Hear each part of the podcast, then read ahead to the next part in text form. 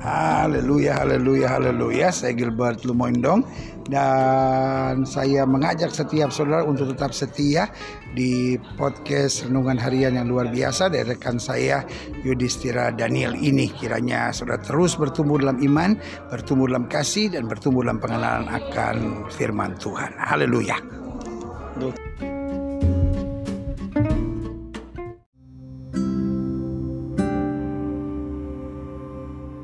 Tuhan kita berjumpa kembali dalam Renungan Podcast Harian bersama saya Yudi Sera Daniel. Harapan kabar kita semua dalam keadaan yang baik, dalam penyertaan Tuhan, dan berkat Tuhan senantiasa. Puji Tuhan, renungan kita pada saat ini berjudul Jangan Kembali ke Masa Lalu. Bacaan firman Tuhan terdapat dalam Yesaya 43 ayat 18 dan 19. Firman Tuhan berkata, Janganlah ingat-ingat hal-hal yang dahulu, dan janganlah perhatikan hal-hal yang dari zaman berbakala. Lihat, aku hendak membuat sesuatu yang baru, yang sekarang sudah tumbuh. Belumkah kamu mengetahuinya? Ya, aku hendak membuat jalan di padang gurun dan sungai-sungai di padang belantara. Saudara, ada kalanya ketika kita menyadari bahwa keputusan untuk memulai sesuatu yang baru tidak selamanya membawa kehidupan seperti yang kita harapkan. Akibatnya, kita menjadi tidak bahagia dan merasa tidak puas.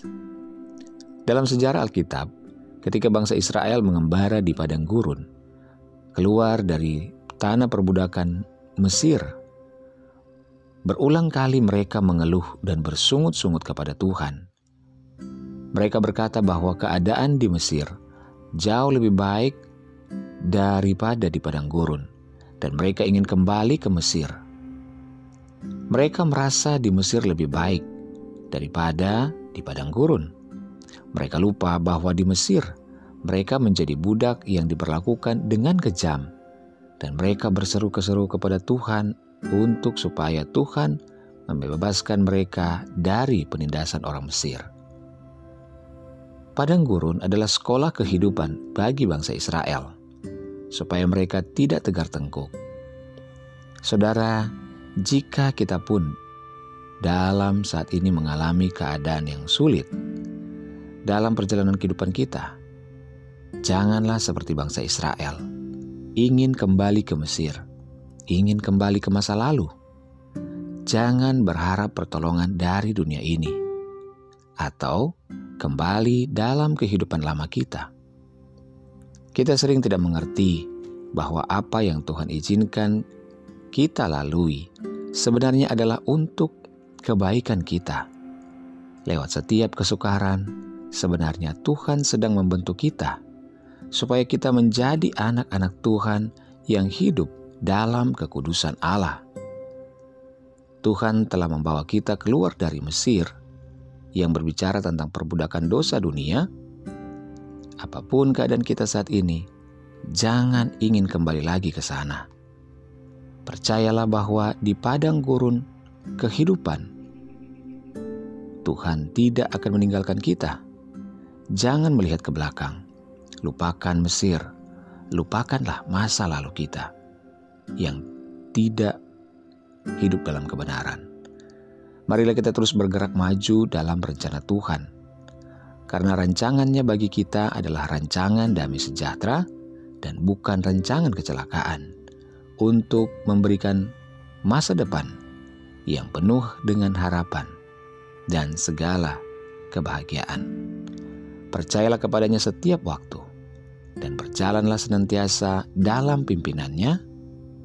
Niscaya kita akan bahagia dan hidup dalam kebahagiaan selamanya.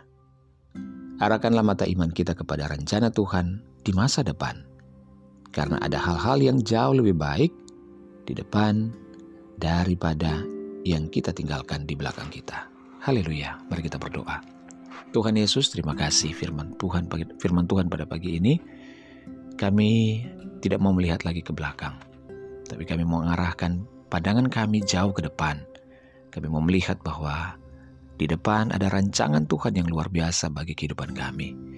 Mampukan kami Tuhan menjalani setiap hari-hari kami dalam segala pergumulan dan tantangan hidup kami.